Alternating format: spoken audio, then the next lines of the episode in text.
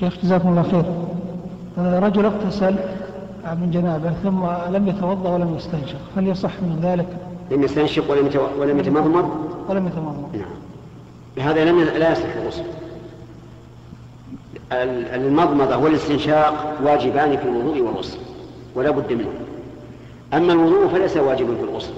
يعني لو أن الإنسان تمضمض واستنشق وانغمس في بركة ناويا رفع الجنابة فلا حرج عليه.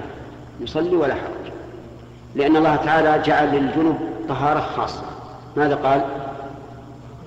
إن, كنت إن كنتم جنبا فاطهروا ولم يذكر الوضوء. فدل هذا على أن فرض الجنوب أن, أن يتطهر وإن لم يرتب وإن لم يتوضأ. نعم. لا بد من المطمئن والاستنشاق لا بد منه في الغسل والوضوء.